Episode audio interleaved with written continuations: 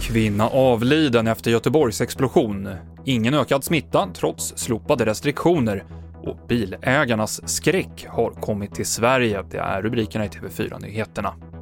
Ja, en kvinna som vårdats på sjukhus sedan explosionen i Annedal i Göteborg avled nu på morgonen. Det uppger polisen. Vi hör vår reporter Anneli Adqvist. Det var ju 16 personer som fick föras till sjukhus efter den här händelsen. Eh, några utav dem, fyra personer, fick vårdas på intensivvårdsavdelning och de flesta kunde eh, förflyttas därifrån till vanliga avdelningar.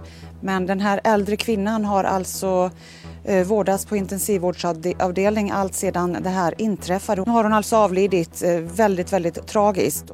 Och därmed så gäller förundersökningen nu mord och grov allmänfarlig ödeläggelse.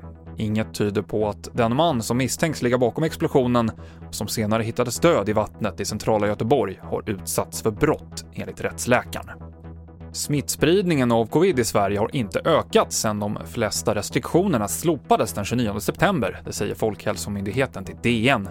Antalet nya fall har legat på en stabilt låg nivå med drygt 2000 nya fall i veckan. Men det finns en risk för att smittspridningen ökar igen i vinter när det blir kallare, enligt Folkhälsomyndigheten.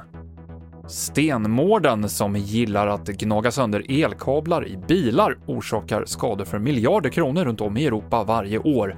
Och nu har Stenmården kommit till Sverige. P.A. Åhlén är projektledare för invasiva arter på Svenska Jägareförbundet och har fått i uppdrag att stoppa stenmården. De lever ju väldigt urbant. De, de far in under huven på bilar och eh, gnager sönder kabel. Varför är det ingen som vet. Men en, en forskare i, i Luxemburg han satte radiosändare på 13 sådana där djur.